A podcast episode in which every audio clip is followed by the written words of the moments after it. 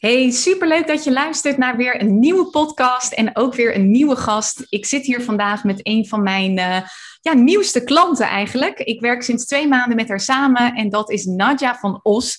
En wat zij doet, ik, ik moet haar introduceren natuurlijk, maar het is eigenlijk niet in een paar woorden te vangen wat ze, wat ze doet. Want ze doet enorm veel. We hadden net nog een coachcall samen en toen zei ze, ze was door Isipari benaderd voor iets. En dat was omdat zij haar het toonbeeld vinden op het gebied van zelfliefde. Toch doet ze ook heel veel op het gebied van traumaheling. Ze doet echt van alles. Dus ik ga er ook gewoon geen titel geven. Ik weet dat ze daar ook het meest blij van wordt. Dus um, je gaat er gewoon lekker leren kennen door middel van ons gesprek, waarin we het gaan hebben over van alles waarschijnlijk. Ze is op dit moment bezig met een boek, of nou ja, bezig. Ze is het aan het lanceren. 21 september komt het uit. Je kunt het ook al bestellen. Dat heet Love Revolution. En uh, daar wordt gewoon ontzettend veel waarde in gegeven. Gaat ze heel diep op een aantal onderwerpen. Gaan we hier ook doen. Dus uh, we gaan gewoon lekker met elkaar in gesprek en laat het over je heen komen als uh, luisteraar. Hey Nadja, goedemorgen. Goedemorgen. Superleuk dat je er bent. Ik zie je al heel hard lachen inderdaad om, uh, om die titels en zo.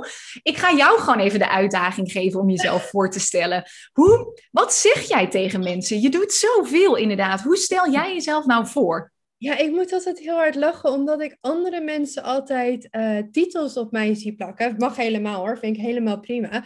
Maar het ligt er dus aan hoe je mij kent. Want de ene klant die, in mijn mastermind of één op één business werk zit, zegt: Oh, Nadia is de money mindset queen, ze is de manifestatie queen. Terwijl um, een mindset één op één klant zegt: Oh, Nadia is de trauma heling, uh, transformatie, zelfliefde queen. Dus ik doe gewoon heel erg veel. En ik denk dat een één titel mij niet helemaal past. En ik, daar hebben we het over gehad, heb ik ook helemaal omarmd en, en geaccepteerd. Maar ik heb wel een, een duidelijke overkoepelende visie, dus dat scheelt. Uh, mijn visie is dus echt het, het de shift maken, eerst intern van een stukje angst naar liefde. En ik denk dat we allemaal wel leven vanuit bepaalde angsten. Niet, niet genoeg te zijn, niet genoeg te doen, niet genoeg te hebben. De angst dat anderen van je vinden. Echt terug kunnen komen naar ja, liefde en vertrouwen. Um, en ik denk dat op het moment dat jij jezelf kan helen, want we hebben allemaal wel oude pijn en oude dingen die we vaak onbewust met ons meedragen. Trauma klinkt heel zwaar, maar we hebben allemaal, we hebben allemaal wel wat.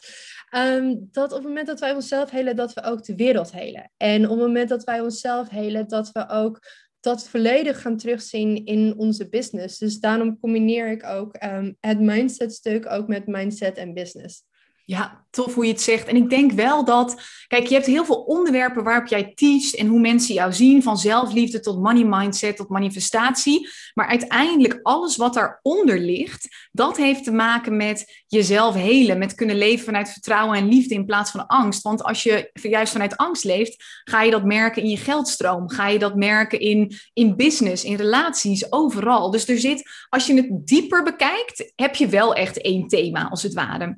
100 procent. Het is heel grappig, want ik behandel best wel bijvoorbeeld veel mensen met eetstoornissen. En dan denk je, dat is iets heel anders als issues hebben met geld. Maar vaak gaat het toch, als je echt naar de oorzaak gaat, en dat is dus ook mijn filosofie. Wij werken zoveel op symptomen. Oh, ik heb niet genoeg geld. Oké, nou dan ga ik meer doen. En dan hoop ik dat ik meer krijg, hè? meer geld manifesteert. Terwijl eigenlijk het eerst een verandering is in jouw zijn. Dus de relatie die je hebt met geld. Want geld is maar, geld zijn maar papiertjes. Het zijn maar getalletjes op de bank. Dus je relatie daarmee verandert. En dat gaat vaak ten eerste over de ideeën die we hebben over geld. Maar ook de ideeën die we hebben over onszelf. En hoeveel ruimte wij in mogen nemen. En hoeveel wij letterlijk waard zijn. Dat is hetzelfde met een eetstoornis. gaat niet alleen maar over de relatie met eten. Het gaat vooral over de relatie met jezelf en je eigen pijn die vaak vermeden wordt um, door zo'n eetstoornis. Dus het zijn hele verschillende dingen. Maar omdat ik echt met de wortel werk, echt helemaal naar de oorzaak ga, um, ja, werken ze eigenlijk allemaal een heel klein beetje hetzelfde. En ik heb gewoon zoveel interesse in alles wat met menselijk gedrag uh, te maken heeft. En ik ben zelf door ook al die processen heen gegaan en me er heel erg in verdiept. Dus ik, ik vind het juist heel leuk om heel breed het over dingen te kunnen hebben. Ja, al die verschillende onderwerpen. En het is alleen, uh, de oorzaak is vaak hetzelfde. Dus een bepaalde traumatische trigger. En wat jij dan ook zegt, het klinkt heel zwaar, maar dat kan iets heel simpels zijn. Ik heb laatst bijvoorbeeld in een sessie met een klant, kwamen we erachter, gingen we terug naar een situatie in het verleden, waarin zij een stukje taart kreeg en haar zusje ook. Maar haar stukje taart was kleiner. En daardoor was dat een heel eigen leven gaan leiden. Ik ben minder waard dan mijn zusje. Zie je wel? Ga je dat ook meteen zien in andere situaties waarin dat zusje net even iets meer krijgt dan jij of weet ik het wat. En dat zorgt weer voor een, bepaalde, ja, een bepaald probleem. En bij de ene uitzicht dat in een eetstoornis, bij de ander uitzicht dat in onzekerheid. En uiteindelijk is het vaak in de wortel hetzelfde. Ergens in je verleden is er iets gebeurd waardoor jij jezelf een bepaald verhaal bent gaan vertellen. En dat heeft een bepaald gedrag tot uiting gehad. Super bizar. Ik vind het heel mooi, want vaak denken van, oh, dan moet ik een hele heftige jeugd hebben gehad. En dat, dat is helemaal niet waar, want het trauma klinkt nogmaals heel zwaar, maar het trauma met de grote T en het trauma met de kleine T, dat kan inderdaad zoiets klein zijn als een opmerking die de juf of meester maakt. Of ehm, iets, iets wat je vader of moeder heeft gezegd of gedaan. Of inderdaad, die krijgt meer dan ik. Dat kan inderdaad een geloofsovertuiging vormen waar we niet bewust van zijn. En dat kan dus later heel erg ons leven beïnvloeden. En dat zie je dus ook heel vaak ehm, in je onderneming terug. Hè? Uh, patronen zoals bijvoorbeeld heel veel overwerken, nog meer moeten doen, nog meer moeten presteren. En in de kern komt dat vaak van een, een energie van jezelf moeten bewijzen en, en goed genoeg willen zijn.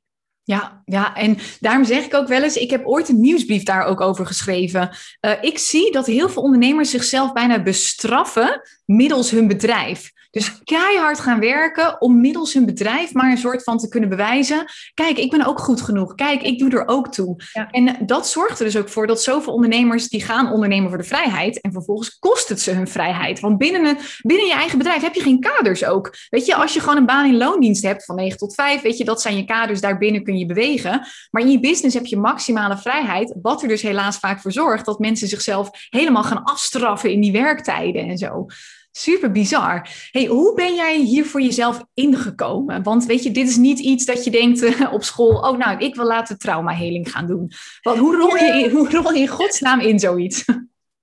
Ja, nou ja, ik, ik heb zelf ook al een aardig verhaal uh, achter de rug. Ik heb ook niet, niet de makkelijkste uh, jeugd en niet de makkelijkste vader gehad.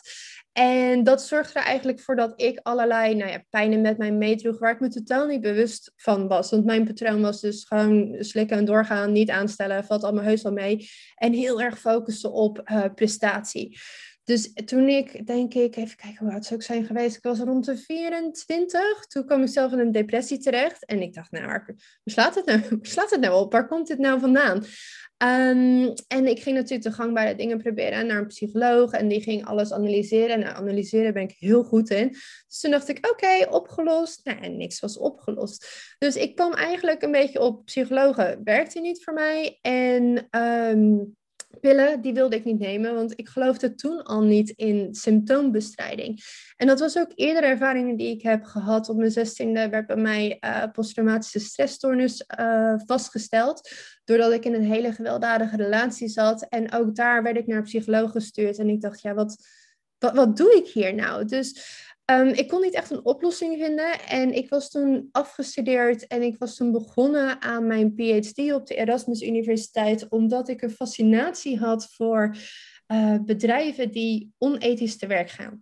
Dus ik deed mijn master in IBA en ik dacht, ja leuk, ik leer nu om heel veel winst te maken, maar ten koste van wat en ten koste van wie en waarom worden deze factoren eigenlijk helemaal niet meegenomen? Um, en ik was heel gefascineerd met waar bedrijven allemaal mee weg konden komen. En gewoon echt ook hele harde leugens. Dat ik dacht, oké, ik, wil, ik wil weten wat wij kunnen doen om, nou, dat was dus ook al die fascinatie voor menselijk gedrag. Hoe kunnen we de wereld mooier maken? En ik geloof dat dat kan door onszelf te heden. Dus ik dacht, oké, op het moment dat um, wij, wij factoren gaan invoegen zoals uh, uh, spiritualiteit, um, verbondenheid, mindfulness, meditatie, kunnen we dan zorgen dat mensen zich binnen bedrijven ethischer gaan gedragen. Dat ze niet meegaan in een onethische bedrijfscultuur. Maar dat, dat was ik aan het doen met mijn analytische, analytische gedrag toen nog. En toen kwam ik dus eigenlijk op al die onderzoeken van spiritualiteit en mindfulness en meditatie. En toen dacht ik, wow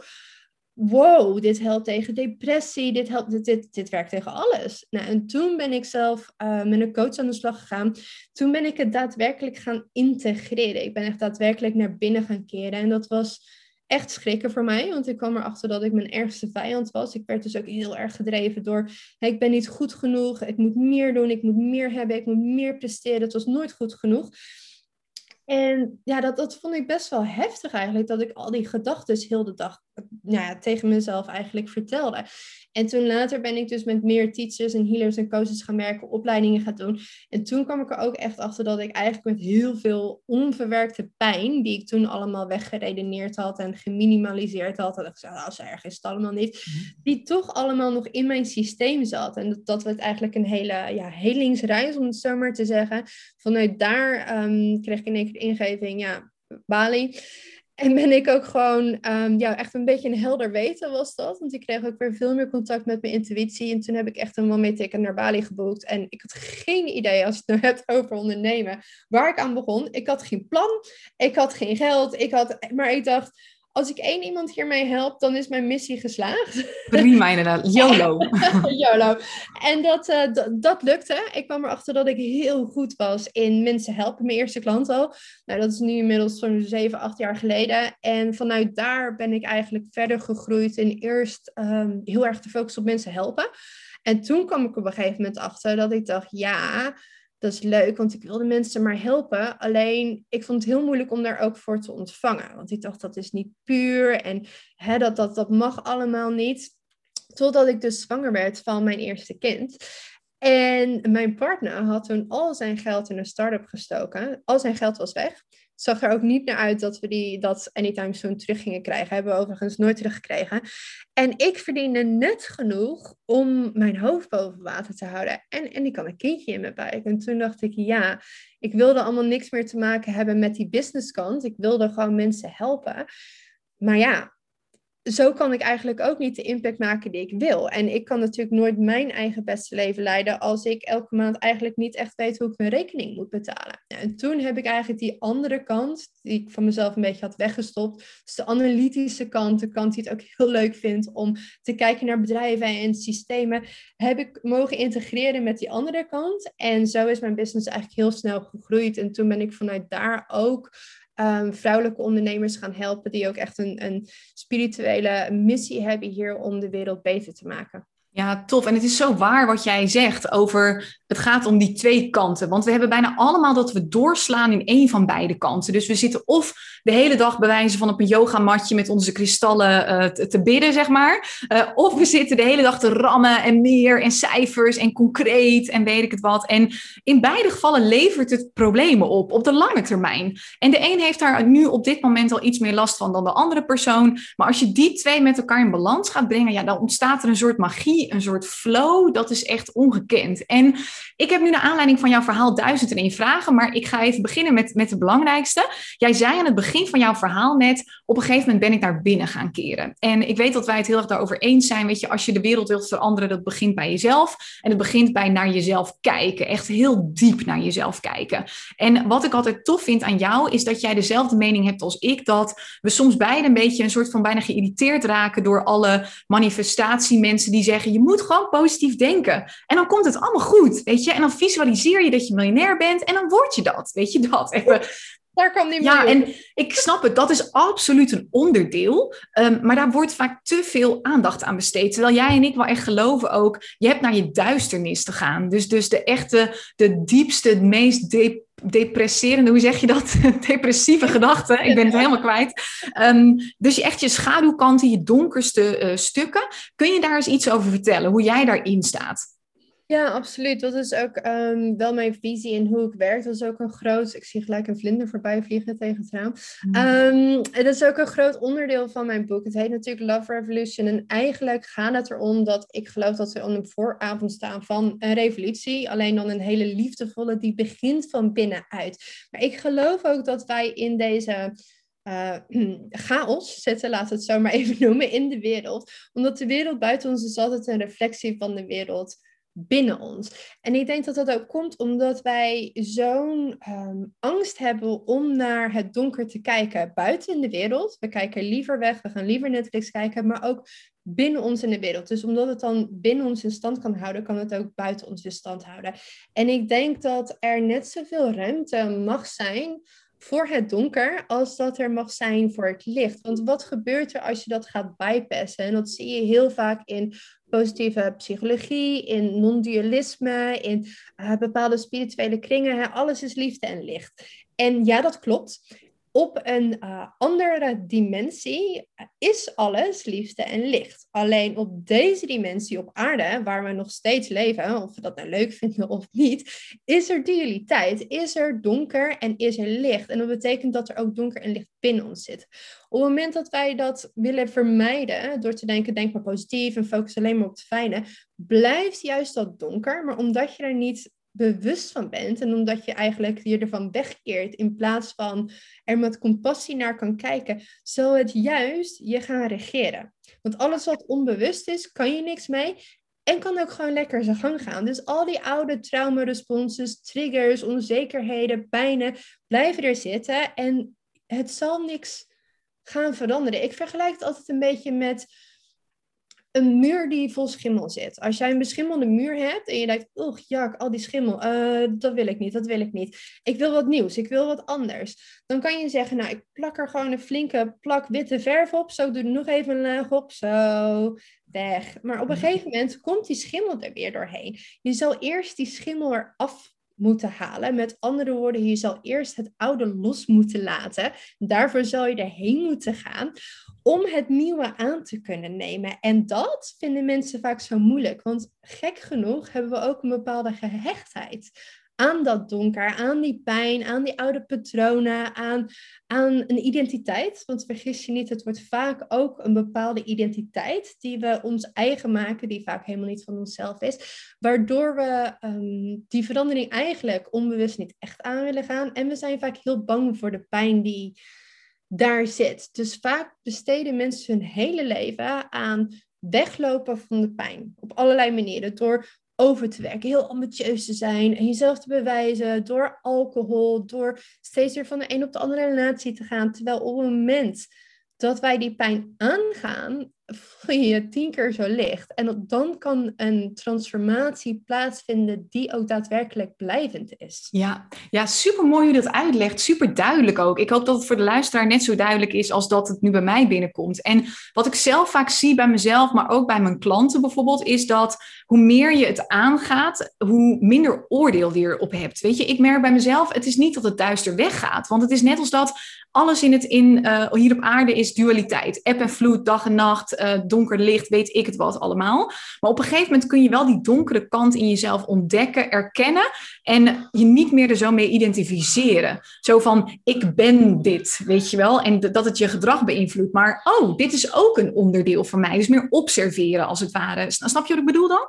Ja, 100%. Je neemt er meer een afstand van en je kan het observeren met compassie op een afstand. En ik denk, hoe meer je er een oordeel over hebt, hoe meer weerstand je er tegen hebt, hoe meer het er niet mag zijn.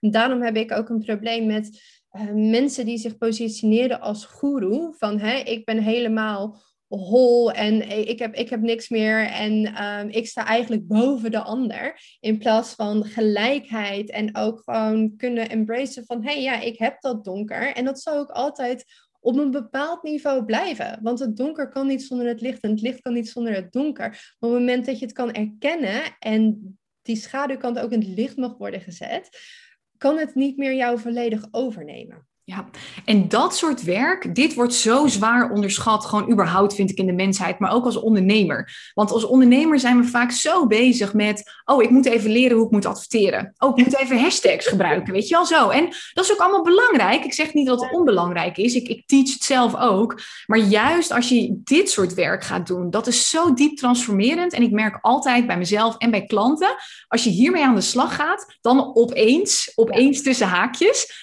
dan stroomt het. Uh, weet je, ik heb eigenlijk, ik heb op dit moment zelf niet eens meer een business coach. Ik heb alleen maar coaches die me helpen met dit soort thema's. Mindset, spiritualiteit, uh, schaduwkanten, et cetera. En ik merk dat het sindsdien gewoon, ja, het stroomt op een bepaalde manier. Hoe, hoe zie jij dat? Hoe kan dat? Komt dat doordat je energie dan verandert? Leg eens uit, want ik snap het eigenlijk nog steeds niet. Vertel het allemaal. Ja, ja nee, ik vind dat heel boeiend, want ik, ik help natuurlijk ondernemers die vaak al... Um, vrij spiritueel zijn. Het is vaak zijn dat uh, shamanisten of coaches, teachers, healers, nou, noem het maar op. Dus die komen vaak bij mij met een, hey, jij bent in je business waar ik wil zijn. Tof, kan jij mij, één op één of een die mastermind, kan jij mij helpen? En dan zeggen ze, nou met die mindset zit het allemaal wel goed. ik wil gewoon hulp bij die business. Nou, het grappige is dat iedereen die denkt echt, oh mijn god, waar ben ik in land? Wat gebeurt hier allemaal? Um, maar dat komt omdat vaak denken we, nou die mindset zit wel goed. Ook alsof er een soort van uh, vinkje wordt afgestreept. Zo van, nou, check, uh, die mindset, heb ik mijn werk aan gedaan. Nou, nu als gewoon die strategie wel goed staat, dan is alles geregeld. Terwijl je eigenlijk, dat werk houdt nooit op. Dus dat gaat elke keer weer op een ander level. En ik denk dat op het moment dat je um, wel wat klanten hebt, je hebt een goede strategie staan, die up-level komt echt puur op mindset en energie als je het aan mij vraagt. Dus mijn oude mentor zei altijd, mensen hebben geen businessproblemen, mensen hebben mindsetproblemen. En dat komt omdat wij allemaal wel oude geloofsovertuiging hebben en sabotagemechanismen, sabotagemechanismes hebben die elke keer als je een upload hebt, komen er weer nieuwe of misschien juist oude naar boven. En dat gaat allemaal over, ja, wat gaan mensen van mij denken? Om een voorbeeld te geven. Dus hoe ik altijd denk is, we, gaan, we hebben eerst het zijn. En als ik het heb over je zijn, dan werk ik echt op alle lagen. Dan werk ik op ehm, wat voor gedachten je denkt, wat je onbewuste is, wat voor eventuele oude pijn er nog onder zit, over je energetische systeem, uh, je spirituele connectie, uh, wat je in je lichaam stopt, waar je naar kijkt, met welke mensen je omringt. Dat bouwt allemaal jouw energetische veld. Dat, dat maakt allemaal jouw zijn op. Het gaat zelfs zo ver, soms dat we echt moeten teruggaan naar uh, overgrootouders. Want dat wordt allemaal opgeslagen, hun ervaringen weer in ons DNA. Nou, dus dat is een heel groot verhaal. Uit dat zijn komt, komen jouw acties. En soms zijn die acties precies hetzelfde. Alleen omdat de intentie daarin volledig anders is, heeft die actie ook een ander effect. Dus stel je zou gaan, uh, jij gaat de actie, de stappen nemen die je moet zetten om een succesvolle lancering te maken. Op het moment dat die stappen de post die je schrijft, de e-mails die je eruit doet, ehm, hoe jij je programma presenteert. Stiekem komt vanuit, dit moet slagen, want als dit niet slaagt, dan ben ik niet goed genoeg. Of jeetje, wat gaan mensen hiervan denken? Of nou ja, vanuit een neediness, een onzekerheid, een pijn, een angst. Mensen voelen dit. Mensen, ja, dit is bizar, hè? communiceren allemaal energetisch, terwijl ze het vaak niet eens doorhebben. Ja, en dat is ook dat gut feeling, hè? Ik heb ook wel eens bij iemand dat ik denk, ik kan het niet pinpointen, maar het klopt niet. Weet je, en dat voelen we allemaal. We voelen het allemaal. Kijk, en hoe verder jij ontwikkeld bent, hoe gevoeliger jij daar ook van wordt. Hè? Ik, ik, toen ik begin, toen ik net ging denken, help me.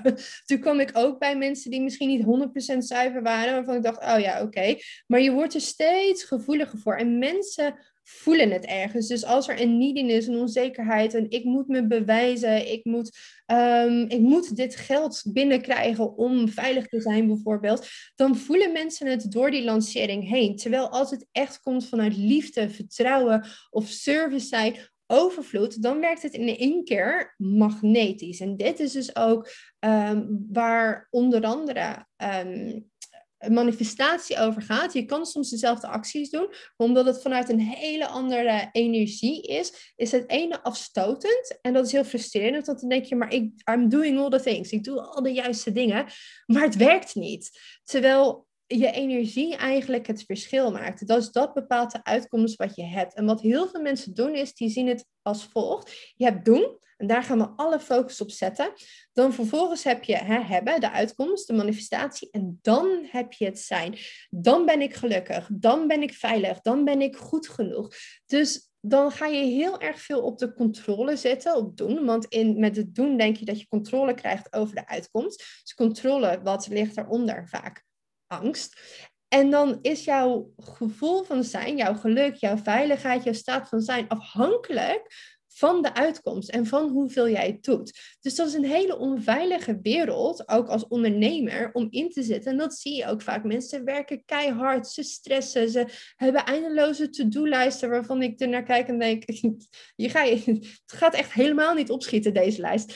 Maar omdat het gaat heel erg om angst en controle. Terwijl als je het kan zien van, hé, hey, ik werk eerst vanuit die staat van zijn, daaruit ga ik actie ondernemen, inspired action, in plaats van actie vanuit controle en angst en noem het maar op. En daaruit manifesteer ik ehm, een uitkomst. Dus daar moet je natuurlijk nog steeds wat voor doen. Maar juist de staat van zijn bepaalt voornamelijk de uitkomst, de wereld die jij creëert. Ja, en ik vind dat zo boeiend, want dat zie je, daardoor zie je heel veel onlogische dingen, ook in het ondernemerslandschap. Ik had laatst ook een gesprek met iemand en het, het was echt om te huilen, maar ook om te lachen tegelijkertijd. Die was zo gefrustreerd. Ze zei, en ik heb zoveel meer gedaan dan die, en dat was dan haar concurrent. En zij trekt alle klanten aan en ik zie haar nooit zichtbaar zijn en weet ik het wat, en ik ben veel meer. En toen dacht ik ook, maar dat komt inderdaad omdat er een andere energie, een andere intentie waarschijnlijk onder zit. Ik verbaas me soms ook over mezelf ik zat vanochtend te kijken. Ik heb anderhalve maand geleden voor het laatst een post geplaatst. En nu heb ik wel een challenge gedaan onlangs, maar het blijft stromen op de een of andere manier. Wat ik alleen wel moeilijk vond, en dat is ook een van mijn laatste vragen nog aan jou, is hoe maak je die switch? Kijk, stel de luisteraars die er nu nog zijn, die voor, voor hen resoneert jouw boodschap. Die weten waarschijnlijk ook shit. Ik, ik zit ook in die controle. Um, hoe maak je de switch? Wat is een eerste stap om dat te doen? poes, poes. Joey komt er even bij, inderdaad. Die wil ook even een bijdrage leveren. Mag gewoon hoor, alle beesten zijn welkom. um, ja, dat is een goede vraag. Want kijk, ik zie het niet als, oh je zet even een knopje om. Ik denk dat dat ook een valkuil is. Ik denk dat de meest gestelde vraag die ik in mijn DM krijg, ja, ik wil dat, zeg maar. Dat, dat andere is, uh, heb je een tip? Ja, heb je de gouden tip? Graag in één zin. gouden tip, ja, als het even kan. En kijk, zo, zo werkt het duidelijk niet. Um, maar het is een proces. En het is een uh, never-ending proces, omdat je steeds weer omhoog gaat, zeg maar, um, in de levels. Dus je komt steeds weer nieuwe dingen tegen. En dat is denk ik ook het mooie daarvan, dat het nooit ophoudt en dat het nooit af is. Maar het begint altijd bij bewustwording. En dus die focus even afhalen van het doen en het harder rennen en het meer doen en nog, nog vermoeider. Want kijk, uiteindelijk waar ik in geloof is energy is your currency.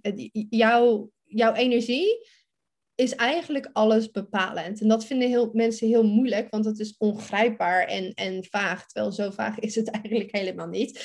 Dus om even te stoppen met heel druk zijn en juist eerst te gaan loslaten, minder te gaan doen en echt eventjes naar binnen te gaan kijken van hé, hey, wat zit hier eigenlijk onder? Uh, vanuit welke plek komt ik? Dus echt het bewustzijn, dat is stap 1. Want nogmaals, waar je niet, niet bewust van bent, daar kan je niks mee. Kijk, en dan ga je eigenlijk door een heel proces heen. Um, Waardoor je als het ware, en dat doe ik dus ook heel vaak met mijn één op één klanten um, in business, op een nieuwe tijdlijn stapt. Dus je stapt in een nieuwe versie van jezelf, die eigenlijk al bestaat. Dat is heel erg boeiend. Dus de um, versie van jezelf die het meeste uit angst komt, bestaat tegelijkertijd. Maar ook de versie die het meeste vanuit liefde komt. En daar stap je op door eigenlijk eerst het oude echt volledig te kunnen loslaten en vervolgens heel intentioneel het nieuwe te kunnen aannemen. Dat gaat niet over iemand anders zijn, dat gaat eigenlijk juist over nog veel meer jezelf zijn, nog veel authentieker zijn. En ik denk dat dat een van onze allergrootste angsten is, om volledig onszelf te zijn. want als je daarop wordt afgewezen... Ja, ja, ja, ja, En zichtbaar. En dat is een van de grootste angsten. En het grappige is, is dat het ook het oké zijn met, als, met het feit dat dat kan gebeuren. Want hoe meer jij groeit, hoe meer je dit gaat tegenkomen. En dit is ook wat ik mensen hoor zeggen. Ik wil, uh, ik wil graag 100.000 volgers op Instagram. Oké, maar dan gaat het om die alignment. Oké, leuk. Nou, dan kunnen we hè, strategieën voor, voor verzinnen. Dan kunnen we van alles voor doen. Dus je hebt een doel. Nou, dan moet je acties moeten daarmee in, in lijn zijn. Maar ook je gedachten en je emoties en je geloofsovertuiging. Maar als jij ondertussen bijvoorbeeld gelooft ja, ik wil, ik wil dus 100.000 volgers, want dat is, hè, dat is goed voor mijn business en dan maak ik impact en ja, ja, ja. Maar als je ondertussen denkt, maar iedereen moet mij aardig vinden en iedereen moet mij leuk vinden en iedereen die, die moet zeggen dat ik het goed doe en, en ik wil geen kritiek, want dat, dat, ja, dat wil ik ten alle tijden vermijden. Dat is onmogelijk. Want ja.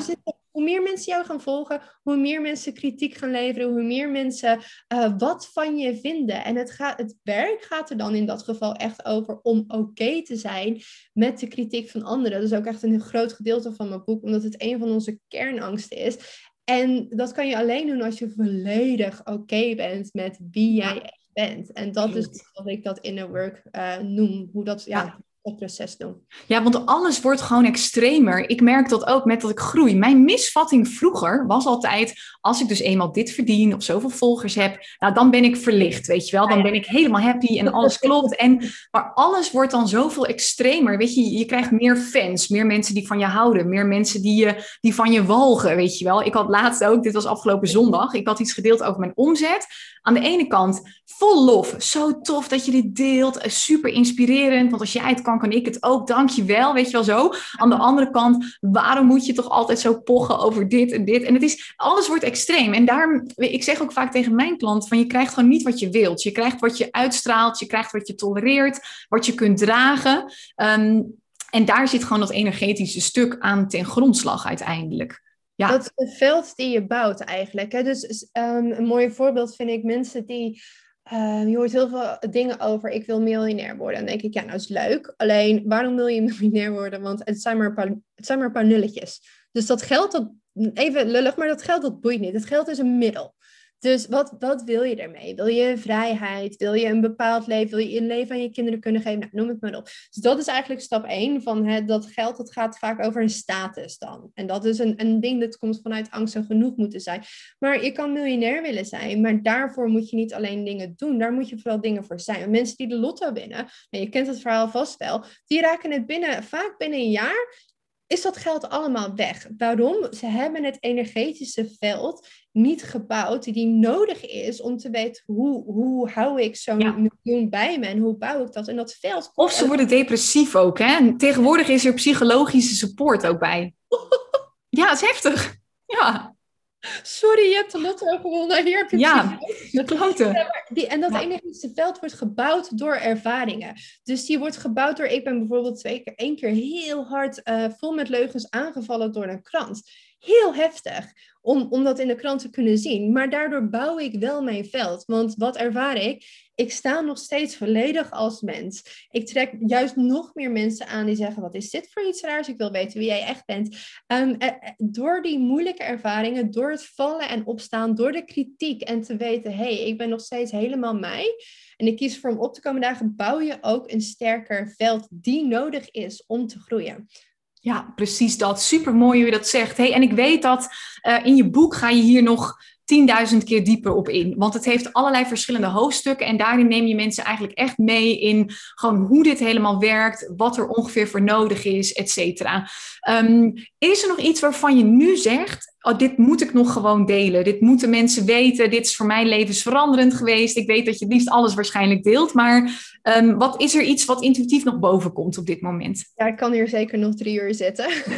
ik weet het. Uh, ja, nou ja, over, over mijn boek, dat is wel een hele mooie. Want die komt 21 september natuurlijk uit. Dat is echt mijn, uh, mijn kindje. Ik ben inmiddels zwanger van mijn derde kind. Maar dat is dan mijn, mijn bonuskind, zeg maar.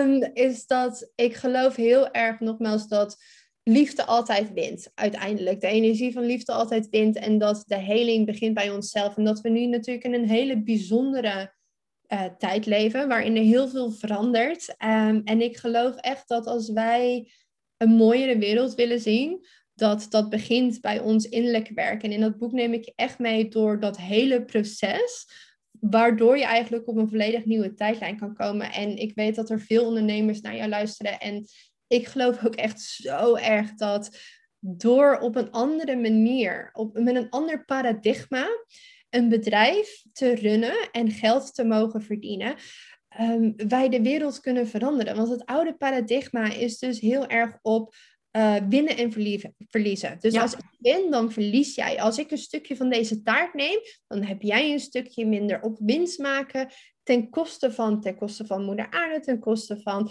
uh, werknemers die je onderbetaalt, ten koste van misschien je klanten die je eigenlijk een service aanbiedt die, die niet helemaal klopt. En mijn, mijn, een van mijn motto's en een van de dingen waar ik echt aan in geloof is als er één iemand verliest, dan verliest iedereen. Als uh, de natuur hierdoor verliest, dan verlies ik ook. Als een klant hierdoor niet helemaal wint, dan verlies ik ook.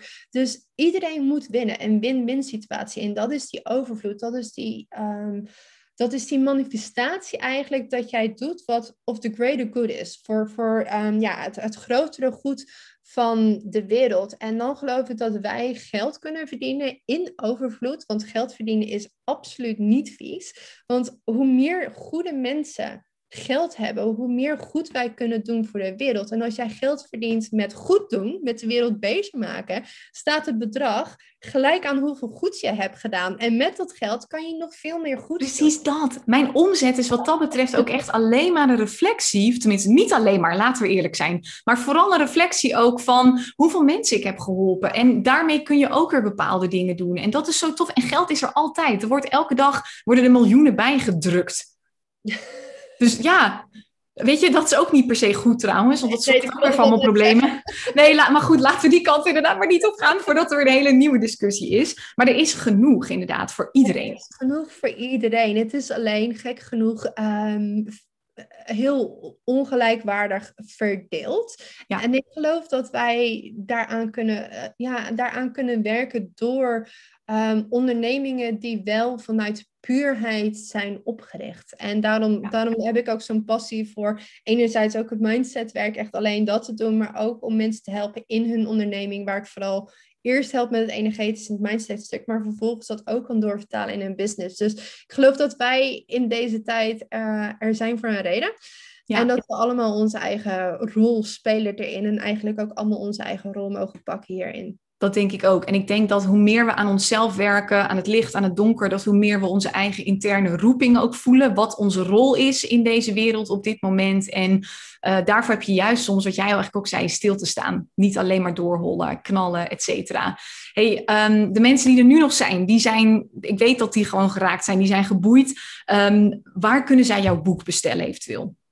Um, Love Revolution, dus van Nadia van Nosten, kan je uh, bij bol.com vinden. Bij alle boekhandels, dus Donner, Bruna, nou ja, noem het maar op. Dus misschien handig als jij inderdaad even een linkje erbij zet. Ja, zet ik erin. Ja, zeker weten. En mij kan je vinden, um, denk het makkelijkst op Instagram op Nadia van Nosten. Ik het ook, ja. ja.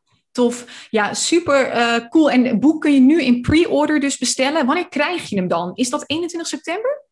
Ja, als je hem nu, nu uh, pre-ordert, krijg je hem dus gelijk op de mat. En er zit dus ook een uh, mooie uurlange masterclass bij en een cadeautje ter waarde van 100 euro. Dus ik ben echt, uh, ik heb echt flink uitgepakt. Um, en 21 september valt hij dan op je deurmat. Ja, tof. Nou, doe dat alsjeblieft. wat ik er nog aan toe wil voegen, dat is even puur, um, jij doet ook nog af en toe één op één coaching. Daar heb je heel af en toe een plekje voor, want je hebt echt een mega following en er is altijd een wachtlijst, et cetera, et cetera. Maar je doet dat af en toe. Uh, als mensen daarvoor openstaan, als ze denken, oké, weet je, ik wil een deep dive doen in dit hele stuk, wat is dan handig? Kunnen ze jou een berichtje sturen op Instagram of dan is het allerhandigst als je mij mailt naar nadia.nadiavanossen.com. Um, ehm, en dan pik ik echt inderdaad, als ik een plekje open heb en ik ben eigenlijk nu al heel klaar om uh, één of twee mensen weer aan te gaan nemen, dan gaan we eventjes om een call samen om te kijken of dat helemaal van beide kanten juist is. Ja, um, ja dat is de makkelijkste manier. Leuk. Hey, dankjewel voor de luisteraar die het boek wil bestellen. De link staat dus in de podcast zelf. Kijk daar eventjes naar. Uh, Nadja van Os kun je dus volgen op Instagram. Super tof dat je tot het einde bent gebleven. Ik hoop dat je, nou, dat je net zo geboeid bent geweest als dat ik ben uh, uh, geweest. En tot de volgende podcast.